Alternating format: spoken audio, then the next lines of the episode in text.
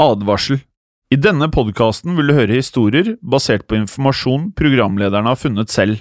Programlederne står ikke nødvendigvis inne for meninger og syn som fremstilles. Noen påstander kan avvike fra virkeligheten.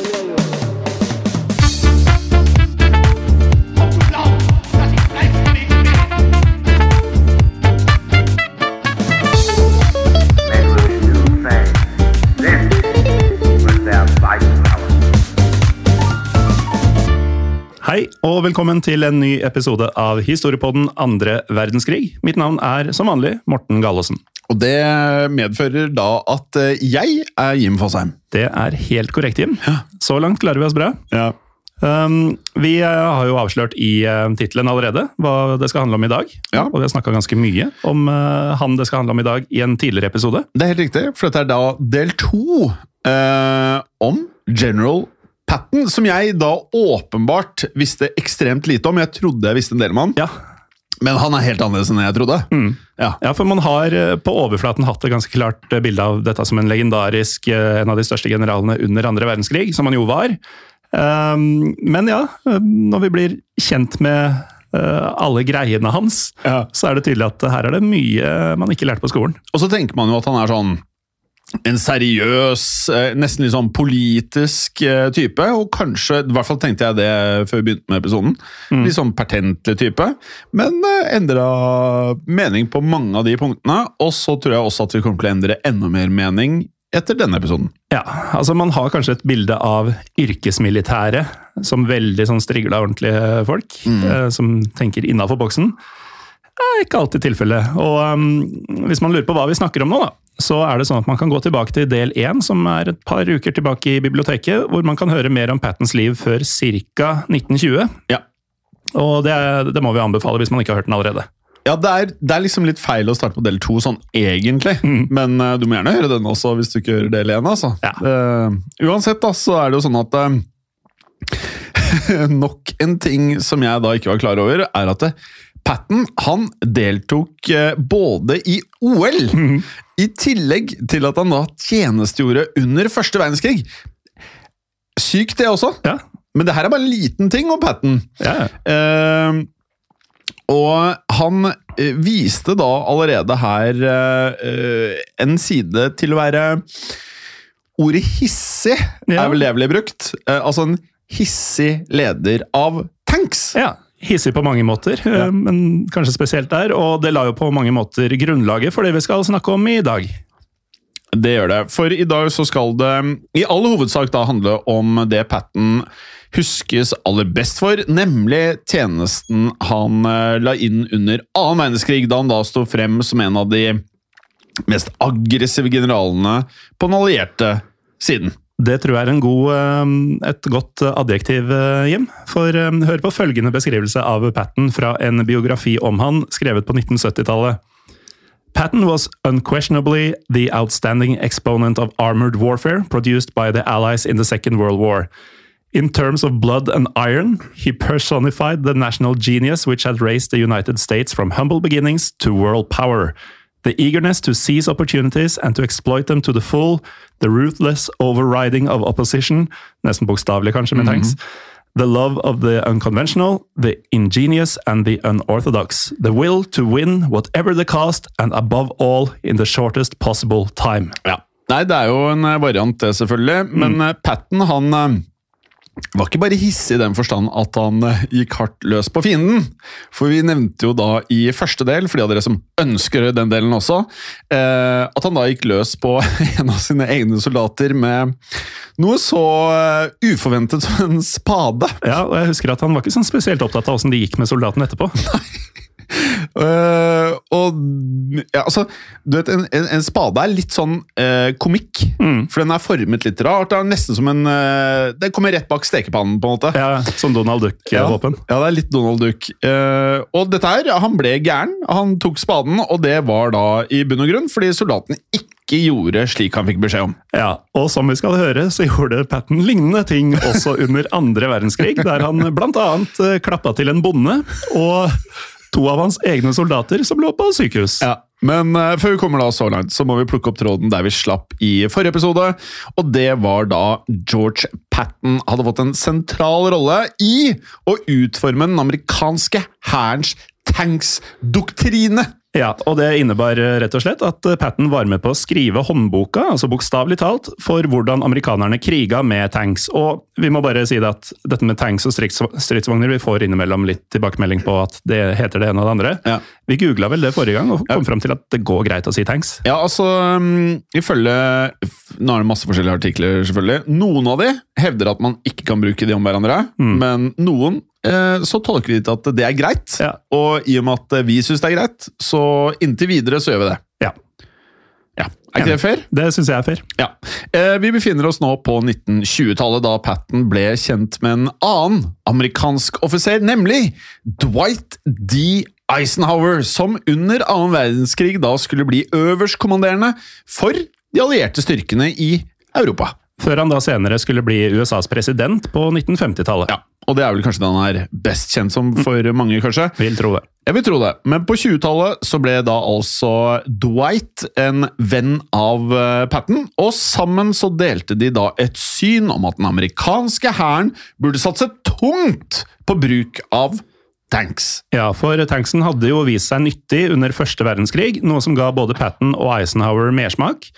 Men en opprustning av tanks i den skalaen Patton og Eisenhower ønsket seg, det lot seg ikke gjennomføre før andre verdenskrig brøt ut, ettersom USA rett og slett ikke fant rom til det i forsvarsbudsjettet. Ja, og det hang annet sammen med at den største økonomiske krisen i moderne historie da ble utløst, altså. Ja, Ja. eh, det er jo da krisen som starta i 1929, og som har blitt uh, huska som den store depresjonen, eh, som skapte stor sosial uro i USA. Er du enig? Også på engelsk her. The Great Depression. Ja. Mye mer impact enn den store depresjonen. Ja. Men det var jo da et børskrakk Ja. eh, som gjorde at eh, økonomien gikk ad undas eh, i USA, og ja, hovedsakelig USA som gjelder her, da. Mm.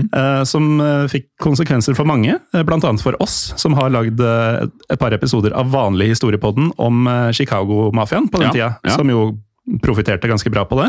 De skodde seg. Ja, under den samme tiden. De brygga seg. Men eh, de brygga seg. Eh, De destillerte seg eh, rike. De solgte seg. Men eh, denne depresjonen og den sosiale uroen ikke minst, det fikk jo også konsekvenser for vår mann, nemlig George Patton. I 1932 så deltok nemlig Patton i å da slå ned en eh, et slags demonstrasjonstog med amerikanske krigsveteraner. Og disse eh, var jo da frustrerte, og vi vet jo mange krigsveteraner blir jo det i etterkant av krig. Og de var frustrerte, eh, og de hadde da tatt seg til den amerikanske hovedstaden Washington DC. Ja, og til tross for at veteranene ikke gjorde annet enn å protestere for bedre økonomiske forhold, så ble de møtt av tanks og ryttersoldater da de ankom hovedstaden. Ja. Og Patton han beskrev det som eh, skjedde, han. Noe sånn som slik. In my opinion, the majority were poor, ignorant men without hope and without really evil intent. But there was several thousand bad men among them, and many weak sisters joined them. Bricks flew, sabers rose and fell with a comforting smack, and the mob ran. We moved on after them, occasionally meeting serious resistance. Two of us charged at a gallop and had some nice work at close range with the occupants of the truck, most of whom could not sit down for some days. Ja, Det høres jo litt ut som en overreaksjon. Eh, Men det siste, two of us changed at a gallop and had some nice work at close range with the occupants of the truck, most of whom could not sit down for some days. Høres ut som han har kost seg med noe overdreven voldsbruk. Ja, det virker som at det er noen her som eh, fikk uh, kjenne det. Men eh, selv om Patten altså Han sa jo innledningsvis uh, 'they were poor, ignorant men without hope' uh, osv. Uh, så selv om han hadde en viss sympati kanskje med demonstrantene, så utførte han da likevel disse ordrene han fikk, ganske kompromissløst. Noe som da hjalp han med å stige høyere i gradene i det amerikanske militæret. Ja. Og i 34, altså 1934 så ble Patton eh, forfremmet til oberstløytnant. Eh, og vi har jo ikke vært i militæret, Morten, så vi, Vi eh, har lest om hva det vil si å være en oberstløytnant, eller general for den saks skyld, men vi vet jo pent lite om hvordan det er å være i militæret. Ja, altså Jeg hadde vel en femtimersdag eller noe sånt på sesjon. Å ja, du var på sesjon, ja? Ja, Du kom ikke dit engang? Jo da. Ja. Men jeg trodde ikke du hadde noe av det. jeg skjønner. Nei, akkurat det måtte man eh, fortsatt. Ja. Men så slapp jeg gjennom sprekkene da det kom til stykket. Jeg er litt uh, samme her. Jeg hadde vondt kne, husker jeg. Eh, uansett, da. Uh, han ble da forfremmet til oberstløytnant, noe som da ikke hindret han i å samtidig bli svært deprimert. Eh, for det hadde nemlig gått opp for Patten at han neppe kom til å bli sendt ut. Og man blir jo deprimert for forskjellige ting, men han ble deprimert for han da neppe vil bli sendt ut i en ny krig i nærmeste fremtid. Ja, å bli deprimert for det er litt annerledes enn hva sikkert den konvensjonelle tankegangen er. Ja, jeg tror, um, tror blant vanlige folk så er det en forsvinnende liten årsak til å bli deprimert. Um, men dette var i 1934. Det er jo interessant at han så på verden på den måten, bare fem år før det faktisk skulle bryte ut den største krigen i verdens historie. Um, men altså, grunnen til at han ble deprimert der, som vi nevnte i del én, så trodde jo Patten på reinkarnasjon. Og um, ifølge han selv så hadde jo Patten levd en rekke tidligere liv som kriger, som strakte seg helt tilbake til Alexander den stores tid.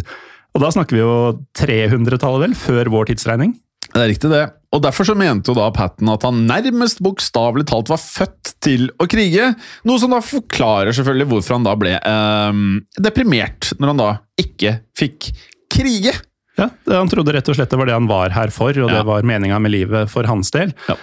Um, den nå 50 år gamle Patten han tilbrakte derfor andre halvdel av 30-tallet med å spille polo og seile, samtidig som han drakk eh, tungt. Og som om ikke det var nok, så innleda han også en affære med eh, og dette er ganske Altså, jeg kan ikke si dette på en delikat måte. Han innleda en affære med kona Beatrice sin 21 år gamle niese, eh, Jean Gordon. Det er, det er en variant. Det er en variant. Uh, og dette satte da angivelig ekteskapet med Beatrice på en, uh, som vi kan forstå, en uh, prøve. Skjønner du godt, det? Jeg skjønner veldig godt. Men for en gangs skyld så skal Patten ha klart å innrømme at han hadde trådt feil. Eh, Og det er vel vanskelig å bortforklare noe slikt, vil jeg tro, uten at jeg har opplevd noe lignende selv. Eh, Og det skal da angivelig ha reddet ekteskapet. Ja.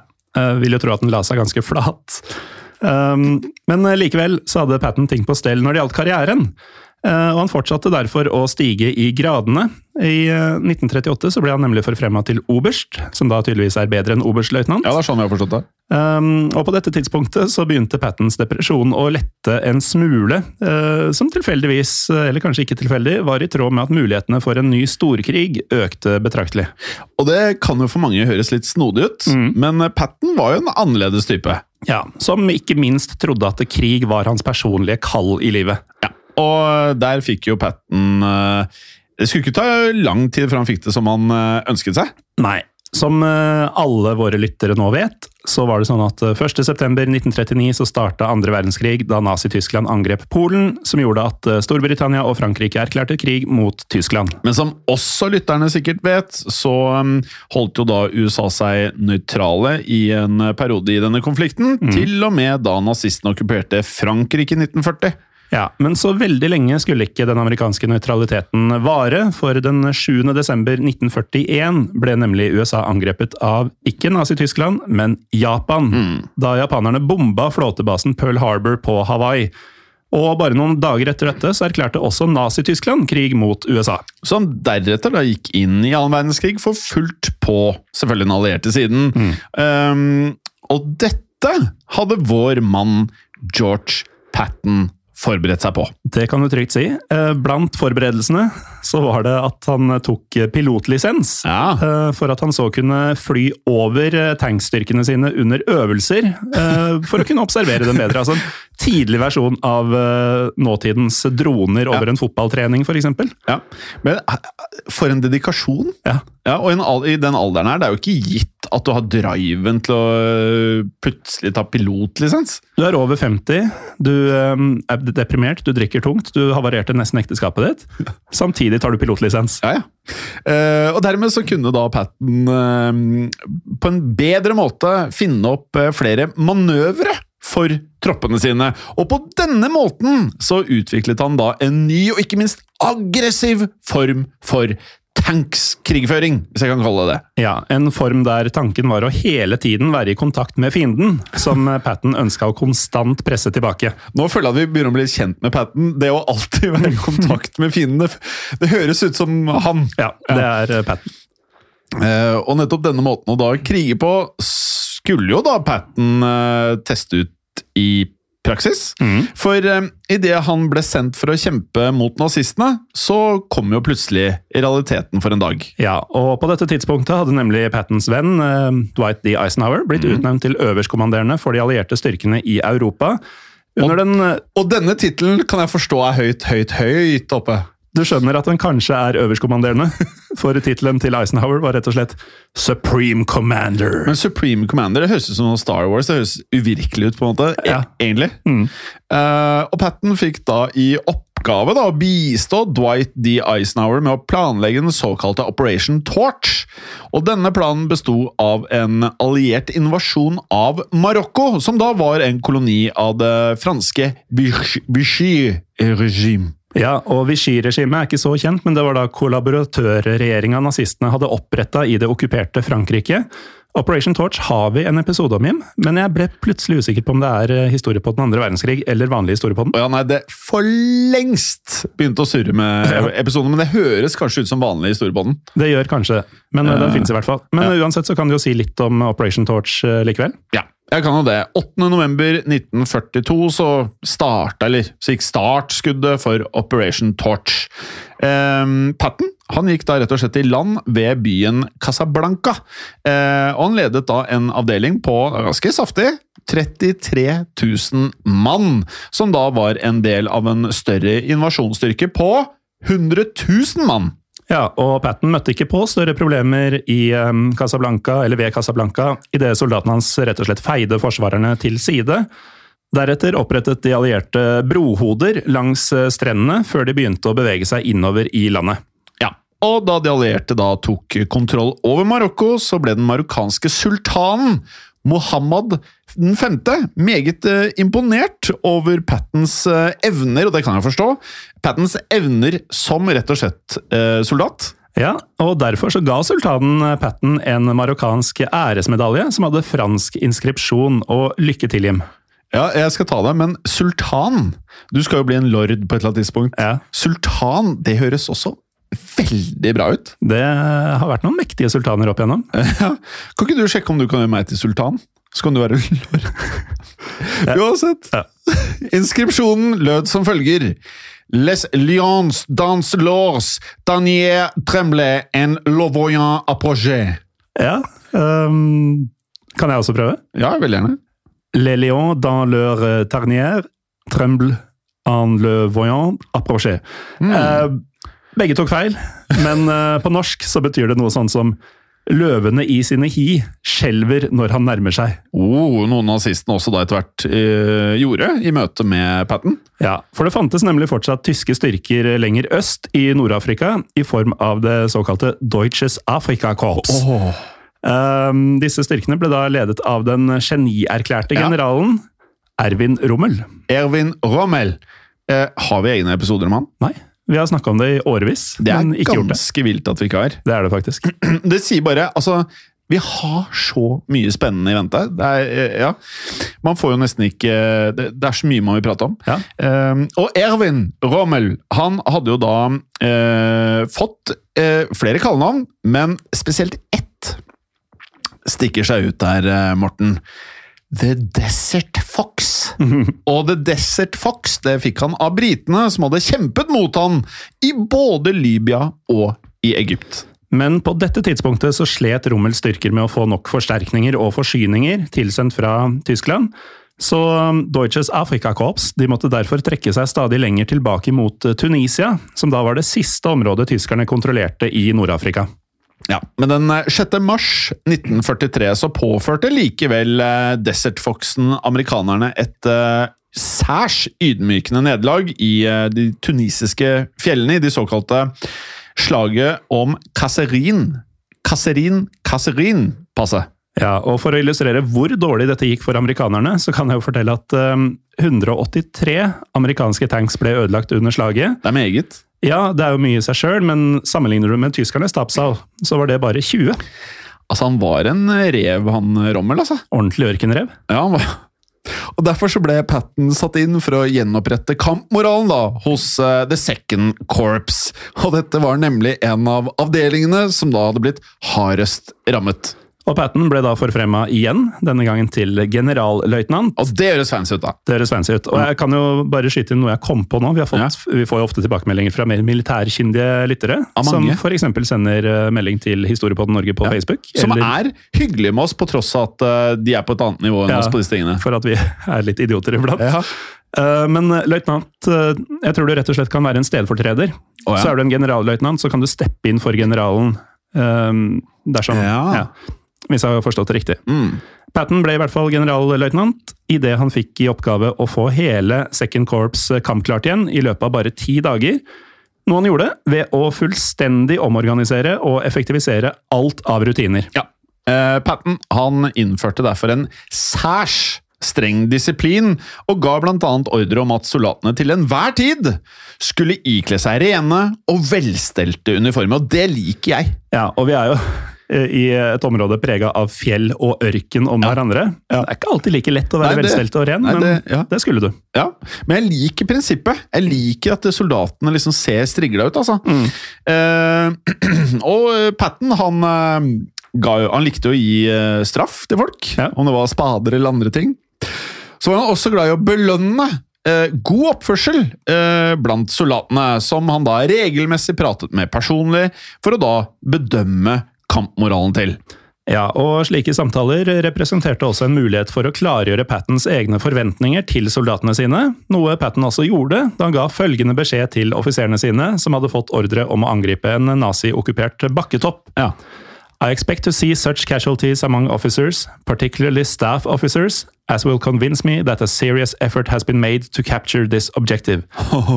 Så han er rett og slett klar for å miste nøkkelpersonalet i store tall, uh, for at det beviser at de har gjort sitt ypperste for å nå målet. Faen, han er en røffing. Han er røffing. Uh, og det ble da snart klart at uh, Pattens grep eh, hadde vært effektive. For ettersom da kampviljen ble eh, så til de grader gjenopprettet, og styrken hans begynte å presse tyskerne tilbake, men idet Patten begynte å lukte seier, så skal han ha begynt å klage på manglende støtte fra de, spesielt de allierte flystyrkene. Ja, og dette skapte konflikt med de britiske flystyrkene som befant seg i nærheten.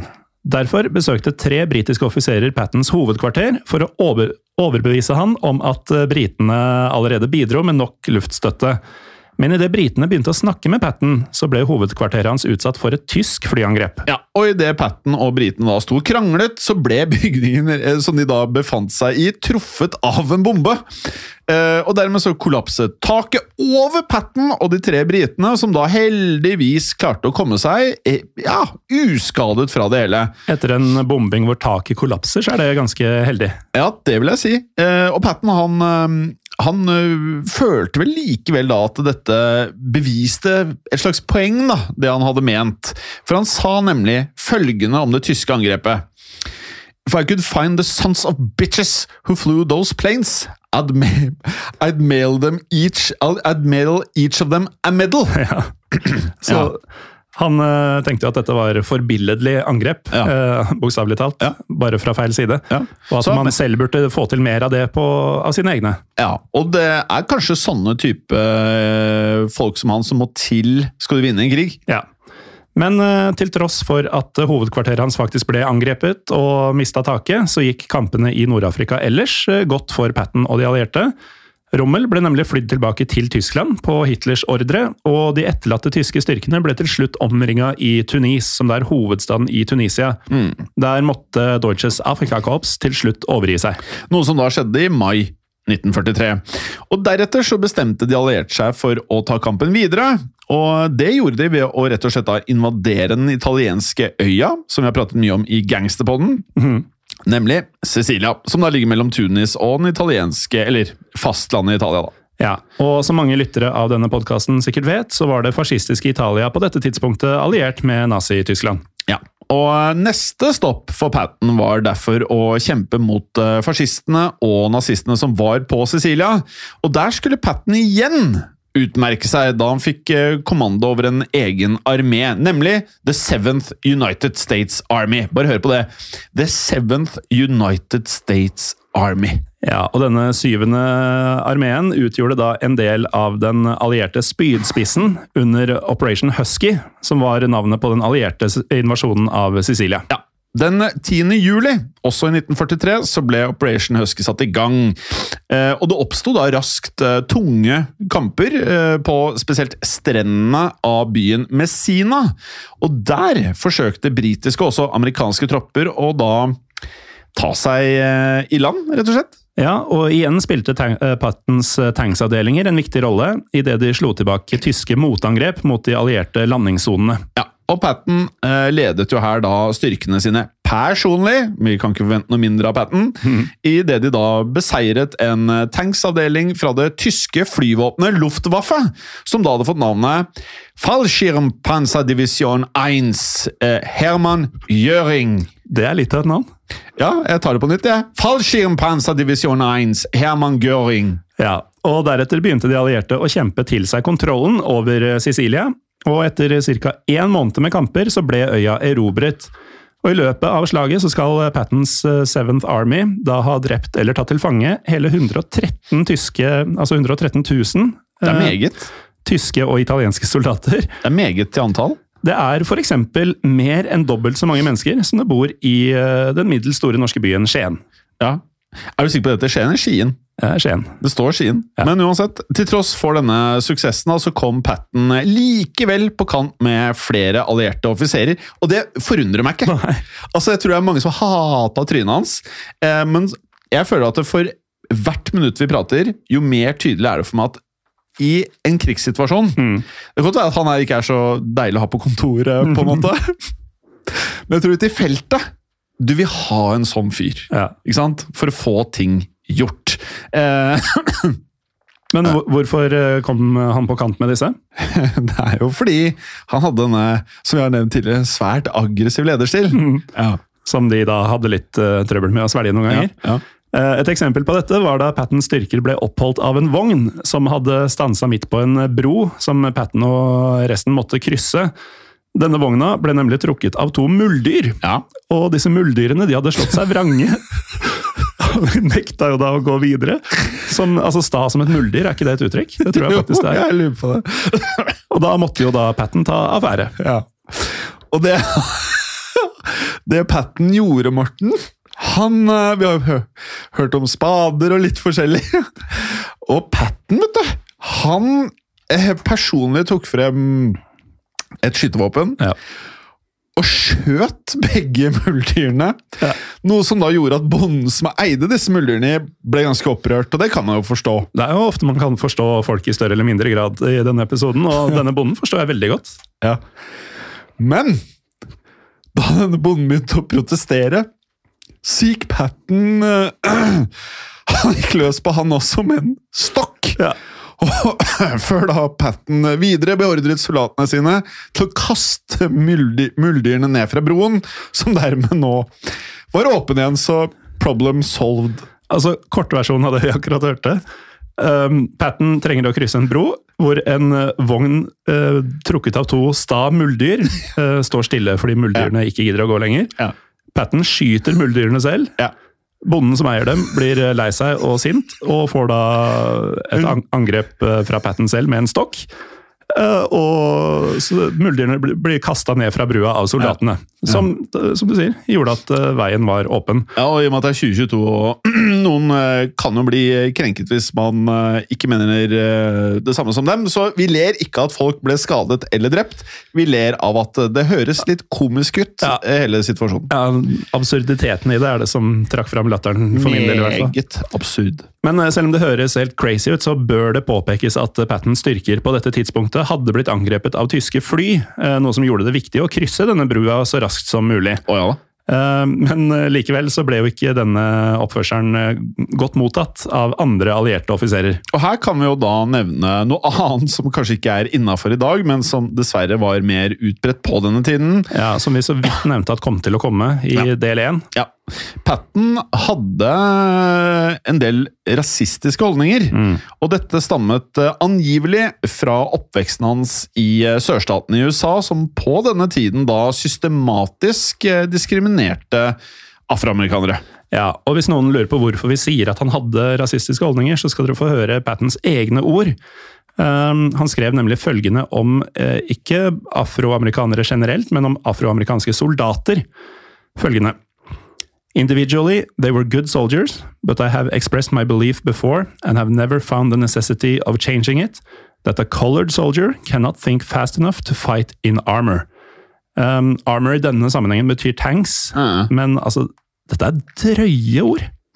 Ja, men i, før i tiden så Jeg vet ikke om eh, Vi levde jo ikke da, men ut ifra at vi har lagd mye episoder om eh, historiske hendelser, så vet vi at eh, det, er- det er mye usunne holdninger som var svært utbredt. Og så er det vanskelig på en måte hva er patten og verre eller bedre. Dette er åpenbart uakseptable, uakseptable holdninger i dag. Eh, men ja. Samtidig så viste da Patten også en form for fleksibilitet når det da gjaldt det du da nevnte, nemlig å verve afroamerikanere. Eh, han, han låste seg ikke til tanken om at eh, han ikke skulle gjøre det. Nei, han, øh, han verva dem faktisk øh, selv, og uttalte nemlig følgende da, til, til afroamerikanerne som var under hans kommando. Og bare sånn, Før jeg sier det som kommer nå, så er dette da Pattens ord til dem direkte. Ja, Men kanskje vi bare skal si N? Ok. Ja. Men you are the first N-tankers ever to fight in the American army. I would never have asked for you if you weren't good. I have nothing but the best in my army. I don't care what color you are, so long as you go up there and kill those kraut sons of a bitches. Everyone has their eyes on you and is expecting great things from you. Most of all, your race is looking forward to you. Don't let them down, and damn you, don't let me down. Ja, han er jo tydelig. Mm.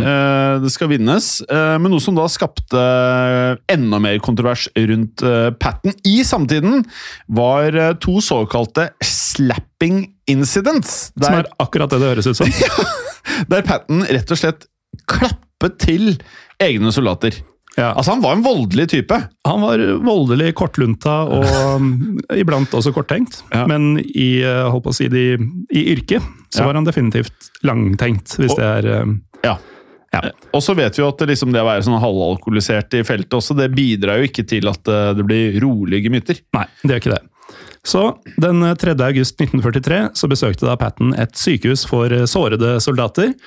Der skal han så ha skjelt ut en soldat, eh, soldat ved navn Charles H. Cool, som led av det vi i dag ville kalt eh, PTSD. Patten mente imidlertid at dette var et tegn på feighet, og klappa derfor til Cool. Deretter så gjentok han det samme noen få dager senere, da Patten slo til en annen såra soldat ved navn Paul G. Bennett. Ja. Eh, Patton han ga så følgende beskjed til soldatene sine. It has come to my attention that a very small number of soldiers are going to the hospital on the next pretext, eller on the pretext that they are nervously incapable of combat. Such men are cowards and bring discredit on the army and disgrace to our comrades, whom they heartlessly leave to endure the dangers of battle while they themselves use the hospital as means of escape. You will take measures to see that such, such cases are not sent to the hospital, but are dealt with in their units. Those who are not willing to fight will be tried by court martial for coward, cowardice or cowardice in the face of the enemy. Så han er ganske tydelig på at eh, det eneste rette å gjøre med disse PTSD-lammede, stakkars såra soldatene på sykehuset, er å straffe dem. Ja, men eh, det her vet jo ikke vi, jeg kan ikke uttale meg om det, men jeg vil anta at det også var en og annen som tok en liten høyre-venstre for ikke å være i feltet. Det var jo ikke alle som elsket krig sånn som Patten. Nei, det tror jeg du fort har rett i. Men uansett, nyheten om disse hendelsene kom jo snart frem til Pattens gode venn Dwight D. Eisenhower, som eh, da var øverstkommanderende for de allierte styrkene i Europa. Og Eisenhower han valgte da faktisk å irettesette Patten for uakseptabel oppførsel, før han ga Patten beskjed om å komme med en unnskyldning. Men da den amerikanske pressen fikk eh, vite om hva som hadde skjedd, da ble resultatet en offentlig skandale. Om det ble, for eh, Patten han ble kraftig kritisert av eh, amerikanske politikere og flere tidligere generaler også. Blant annet Pattens egen mentor, nemlig han vi prata mye om i episode 1, nemlig Blackjack. Ja. Altså John Blackjack Pershing, eh, som var en viktig person i livet hans. Definitivt. Og denne mediestormen var såpass hard at eh, Patten nå risikerte å bli fullstendig fjerna fra aktiv tjeneste. Ettersom de allierte da hadde begynt å planlegge den avgjørende invasjonen av det okkuperte Frankrike, så ønska nemlig mm, Eisenhower å unngå interne konflikter, og derfor ble faktisk Patten tatt ut av frontlinja. Ja, og Patten ble da gitt kommando over The US Third Army, som var um, en nylig sammensatt uh, armé som uh, Det var jo ikke noe småtterier. Uh, det var faktisk mellom 250 000 til 300 000 uh, soldater, men de var av mindre erfaring også beskrevet som uerfarne noen steder. Uh, og tanken var da at Patten skulle trene opp denne armeen i, um, tilbake i England. Ja, og dette treningsoppdraget det holdt derfor Patten utenfor aktiv kamptjeneste i hele elleve måneder.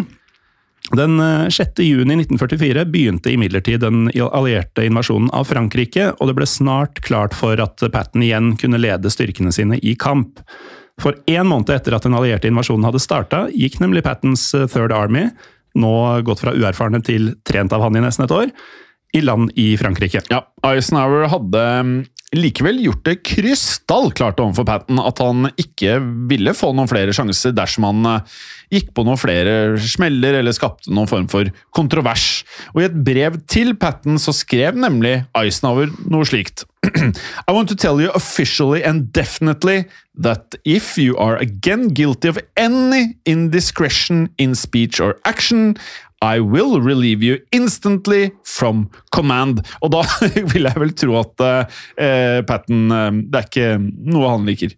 Nei, og I et annet brev til den amerikanske generalen George Marshall så skrev Eisenhower samtidig dette. Pattens brilliant successes in the Sicily campaign must be attributed directly to his energy, determination and unflagging aggressiveness. In spite of all this, George Patton continues to show some of those um, unfortunate personal traits, which you and I have always known, and which during this campaign caused me some uh, most uncomfortable days. His habit of impulsive yelling at subordinates, extending even to the personal abuse of individuals, was noted in at least two specific cases. I have had to take the most drastic steps, and if he is not cured now, there is no hope for him. Personally, I believe that he is cured, not only because of his great personal loyalty to you and to me, but because fundamentally he is so eager for recognition as a great military commander that he will ruthlessly suppress any habit of his own that will tend to jeopardize it. Og her skulle det da vise seg at eh, Eisenhower fikk eh, rett, ettersom Patten da faktisk holdt sine verste impulser, i hvert fall, i sjakk, eh, så vidt man vet, ut krigen. Men Patten han eh, fortsatte i aller høyeste grad å være seg selv lik. Eh, vi har jo en tale her som kan eh, sette dette litt i kontekst. Som var da en tale som Patten ga soldatene eh, da de ble sendt til Frankrike da, for å kjempe mot tyskerne. Ahead of you lies battle. That means just one thing. You can't afford to be a goddamn fool, because in battle, fools mean dead men. Ja. Some crazy German bastards decided they were supermen and decided it was their mission to rule the world. They've been pushing people around all over the world, looting, killing, and abusing millions of innocent men, women, and children. They were getting set to do the same to us. We are fighting to defeat and wipe out the Nazis who started all this goddamn son of a bitchery. Altså Han, han er en bannende general. ja, God damned son of a bitchery. og med det sagt da, så gikk Pattens armé løs på nazistene, og armeen hans ble da særlig kjent for sin ekstremt raske og aggressive fremrykning. Sjokkerende. Sjokkerende. Noe som da gjorde at nazistene respekterte Patten mer enn noen annen alliert general. Igjen tilbake til poenget mitt. Man trenger gærninger som Patten i krig. Ja, og En av årsakene til at nazistene respekterte Patten ekstra, det var jo at han benytta seg av en taktikk der tanksene hans opererte på en måte som kunne minne om den tyske blitzkrig-taktikken. Der da tanks rykka hurtig frem gjennom svake punkt i fiendens linjer, før infanteri og andre enheter fulgte etter. Ja. Og I august 1944 så bidro Pattens styrker på denne måten til å omringe store store deler av eh, den tyske hæren, som da befant seg i Nord-Frankrike. Der hele 60 000 tyske soldater ble drept eller tatt til fange av de allierte. Denne gangen så tilsvarer det et tall som ikke er eh, langt unna størrelsen på eh, Kristiansands befolkning. Altså Kristiansand, etter hva jeg sjekket opp, så er det 64 000 pers. Og her var det da snakk om 60 000 tyske soldater som da enten ble drept eller tatt til fange. Et eh, solid tall. Ja, Og Ikke, ikke noe mer sammenligning mellom de to. Nei. Det er ganske lite sammenlignbart ellers. Ja.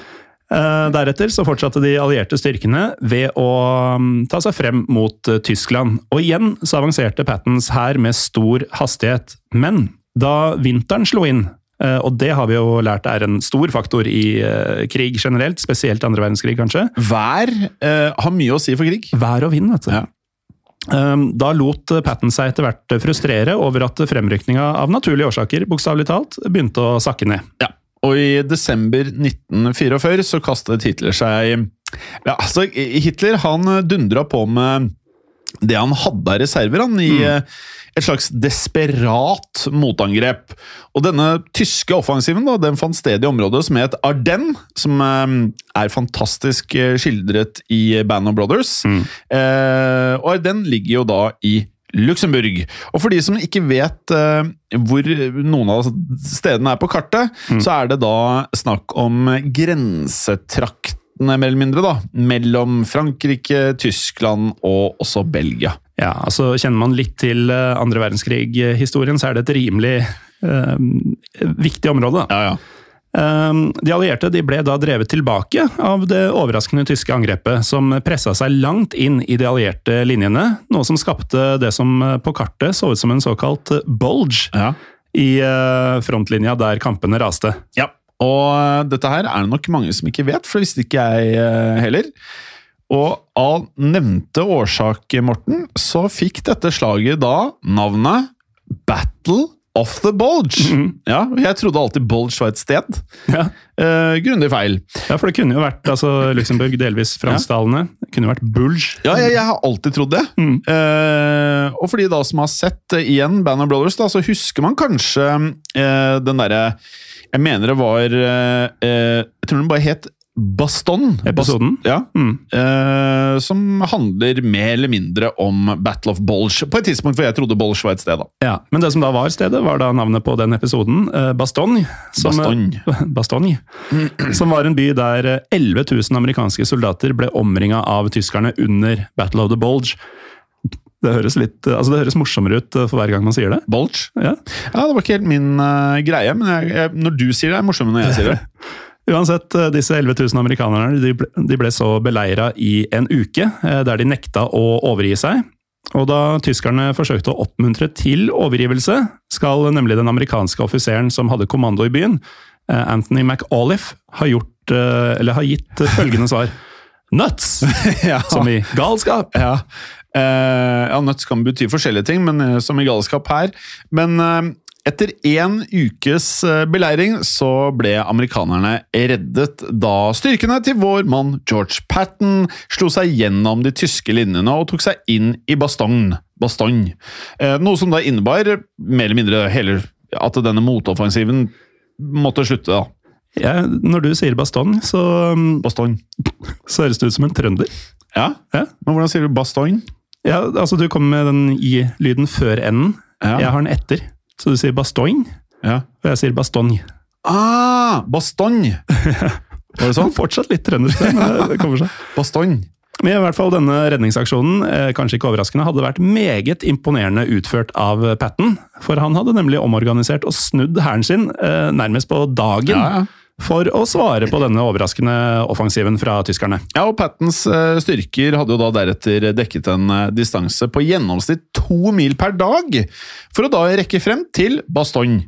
Eh, og dette var da mm, Jeg må jo kunne si at det var meget imponerende, for du nevnte jo i sted at det var harde vinterforhold, altså. Så her peisa de på. De peisa på, og vi kan jo skyte inn at da Patten begynte å se at dette kunne bli seier, så skal han ha sagt følgende This time the crowds stuck his head in the meat grinder, and I've got hold of the handle.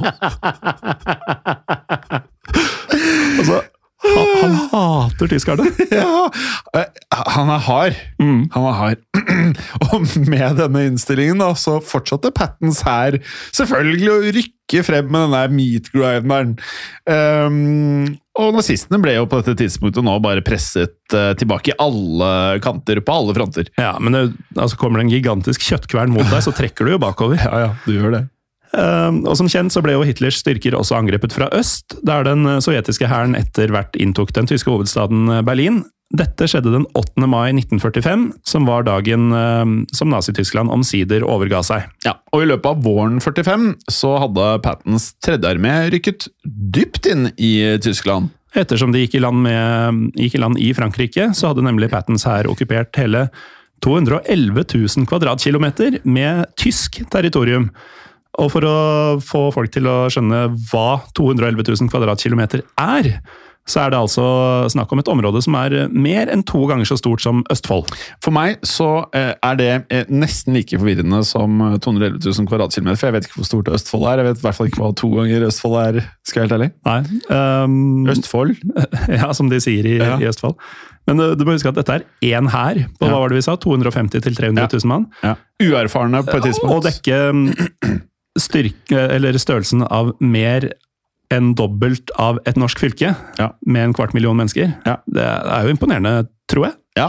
Uh, ja, men jeg bare vet ikke hvor stort Østfold er. Nei. Uansett, så altså, Totalt sett da, så påførte Pattens her uh, enorme tap, som du sier. da. Um, og i løpet av 44 og 45 så er det estimert at uh, tyskerne mistet opptil 1,8 millioner 1,8 millioner soldater!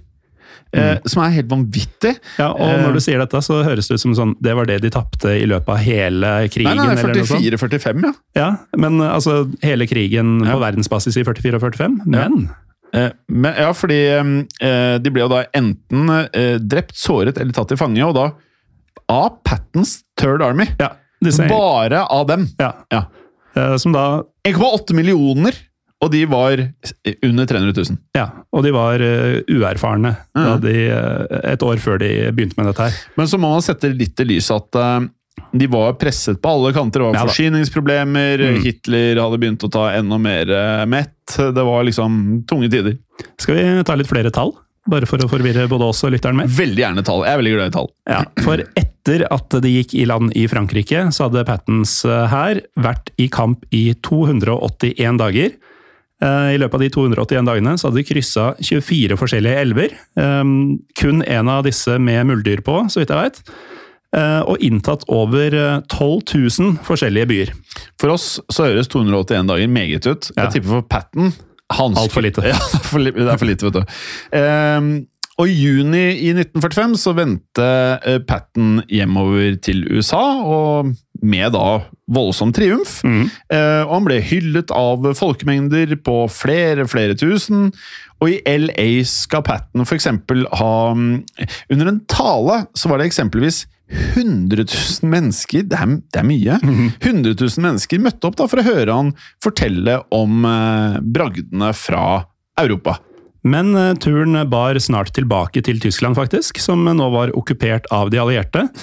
Patten ble nemlig utnevnt til militærguvernør i Bayern, der han fikk ansvar for å denazifisere regionen. Likevel så skal Patten igjen ha blitt eh, deprimert, ettersom det fortsatt da var sånn at eh, fredstid, det, det mistrivdes han rett og slett med. Ja, det er, han er skrudd sammen på en veldig annen måte enn oss, i hvert fall. Eh, og da Japan overga seg høsten i 1945, så eh, tok jo da som kjent annen verdenskrig omsider slutt, og Patten skrev da følgende i et brev. Yet another war has come to an end, and with it my usefulness to the world. Og dette her er jo faktisk der jeg begynner å grine i Band of Brothers hver eneste gang. Det er i den episoden hvor eh, Soldatene liksom, du, du får se hva de skal gjøre etter krigen, og så skal alle gå hver sin vei. Og så er mange av samtalene hva skal jeg gjøre nå? Så det er åpenbart ikke bare Patten som føler at de, eh, de mister litt av funksjonen og meningen med livet. Nei, det er jo helt åpenbart at eh, han gjorde det. Um, og igjen, da, så skulle man kanskje se litt på oppførselen hans. At eh, depresjon, det, det hadde en eh, effekt på han. Mm. For uh, depresjonen skal også ha gjort Pattens oppførsel uh, Den var jo uforutsigbar, men enda mer uforutsigbar. For på dette tidspunktet så gjentok Patten affæren med Jean Gordon, altså nisen til kona Beatrice. Og det er jo ikke optimalt. Nei, og I hvert fall ikke etter at han sa så til de grader ifra om at dette var feil av meg Ja. forrige gang. Ja. Eh, og i 45 så fikk derfor Patten besøk av eh, Gordon i Bayern, noe som da bidro til at han eh, ikke ble en eh, spesielt effektiv militærguvernør. Nei, og derfor ble Patten også fjernet fra denne stillinga, og han mista kommandoen over The US Third Army. I avskjedstalen til soldatene sine sa Patten så følgende All good things must come to an end. The best thing that has ever happened to me thus far is the honor and privilege of having commanded the Third Army. Ja. Og deretter ble Patten omplassert til byen Bad Nauheim. Og der skulle han få ansvaret for å overse en stab som skulle dokumentere annen verdenskrig, eh, altså historien i Europa.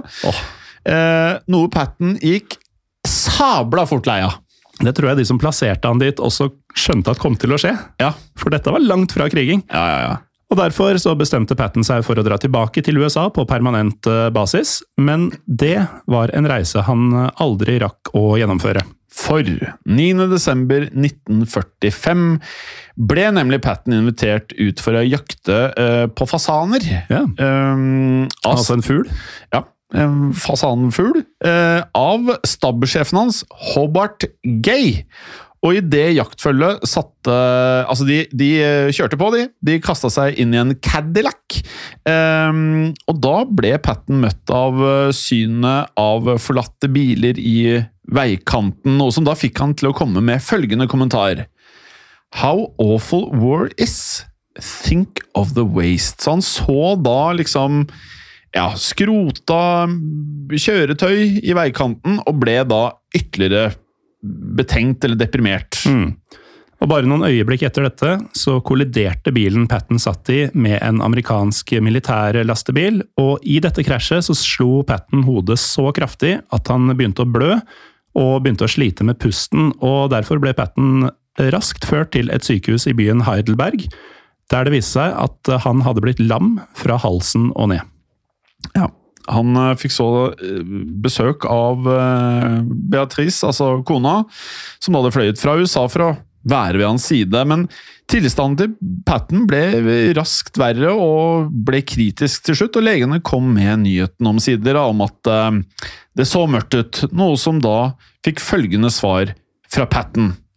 This is a hell of a way to die. Og det skulle han også gjøre. Den 21. desember 1945, etter tolv dagers forsøk på å berge livet hans, så døde general George Smith Patten i søvne, 60 år gammel. Dødsårsaken er, eh, etter hva vi kan forstå, hjertesvikt og eh, væskeansamling i lungene. Ja, og etter hans død så ble George Patten stedt til hvile i tråd med hans eh, siste ønsker. Og dette var å bli gravlagt sammen med soldatene som han hadde hatt kommando over. Ja. Patten ble derfor eh, begravet på kirkegården Luxembourg American Cemetery i nettopp Luxembourg. Der, eh, og der ligger jo da Patten og flere amerikanske soldater fra annen verdenskrig, så vidt vi kan forstå, den dag i dag. Ja, og Patten huskes fortsatt som en av de mest legendariske generalene i amerikansk militærhistorie. Ikke minst takket være filmen Patten, som vant Oscar for beste film og hovedrolle i 1970, hvor Patten selv ble spilt av George C. Scott. Og um, ja, hvis man har hørt disse to episodene og tenker Patten vil jeg vite mer om, eh, høre mer om, se mer av, så kan vi avslutte med å anbefale den filmen. Mm. Det er noe sørgelig når du liksom har eh, vært så mye i feltet, og du har, du har til og med ledet troppene i noe av det verste klimaet du kan være i. Mm.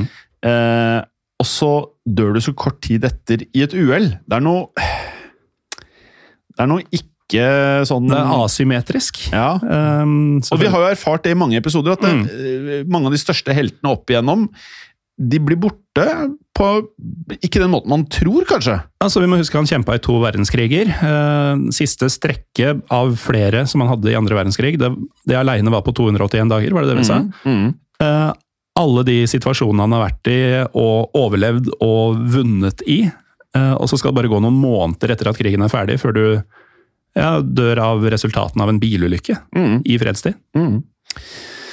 Nei, men uh, Sørgelig er det, men det er ingen tvil om at han fyren her Altså, Man kan ikke si annet enn at han hadde en viktig rolle under annen verdenskrig. Og kanskje også en avgjørende rolle. Det er Det- vanskelig å definere slikt. Ja, så Til tross for alle hans eh, svakheter, eh, både ting han gjorde, ting han mente, ting han sa, så er det ingen tvil om at verden nok skylder George Patton en hel del. Mm. Eh, fantastisk episode, altså. Dette må jeg bare Og jeg lærte så mye av dette her. Mm. Virkelig, altså. Um, Og det sier vi ofte, og folk tror kanskje ikke på det, men Mm. men utrolig hvor mye vi graver fram i løpet av eh, forarbeidet med disse Mm. episodene. altså, det vanskeligste er ofte det man må velge vekk. Eh, for det er så mye Hvis ikke så kan man liksom lage spesialer på ti episoder på alt, på en måte. Så det er jo mye man ikke får med, men eh, dette her var eh, det her, synes jeg, her har vi gått gjennom livet til en fyr som jeg tror mange ikke er i nærheten av å forstå hvordan var, ut ifra det man vet i ettertid. Uansett, Morten. Vi må jo oppfordre folk til å rate podkasten vår, eh, hvis man ønsker det. Man kan gå inn på Facebook, og så kan man bli en del av Historie for alle. Der Forrige uke så bare kom det en haug med folk. Masse innlegg, og virker som nå er det sånn uptick nå frem til sommeren der. Mm. Og så har vi jo sosiale mediekanaler også. Ja, Historiepodden Norge, som nevnt tidligere, både på Facebook eh, og Instagram. Og med det, Morten, dette her har jo skjedd. Ja, og mm, uansett hvor utrolig det låter, det kan skje igjen. Ha det bra. Ha det! Historiepodden ønsker å takke følgende. Dere som hjelper oss som sitter i produksjonen. Dere som hjelper oss som sitter i redaksjonen, inkludert eh, tekstforfattere. Det er helt riktig. Og dere som sitter på marked, som faktisk da gir oss muligheten til å drive med Historiepodden. Og selvfølgelig alle dere som hører på. Tusen takk. Moderne media. Kiwi er billigst i VGs matbørs og har vært billigst i fire av de fem siste VGs matbørser. Og nå presser vi prisene på frukt og grønnsaker. På 200 gram broccolini setter vi prisen til 24,90. På 400 gram Cevita blåbær setter vi prisen til 49,90. Og husk, alle Kiwi Pluss-kunder får i tillegg 15% trumfbonus på all fersk frukt og grønt. For det er vi som er prispresserne. Og vi i Kiwi gir oss aldri på pris.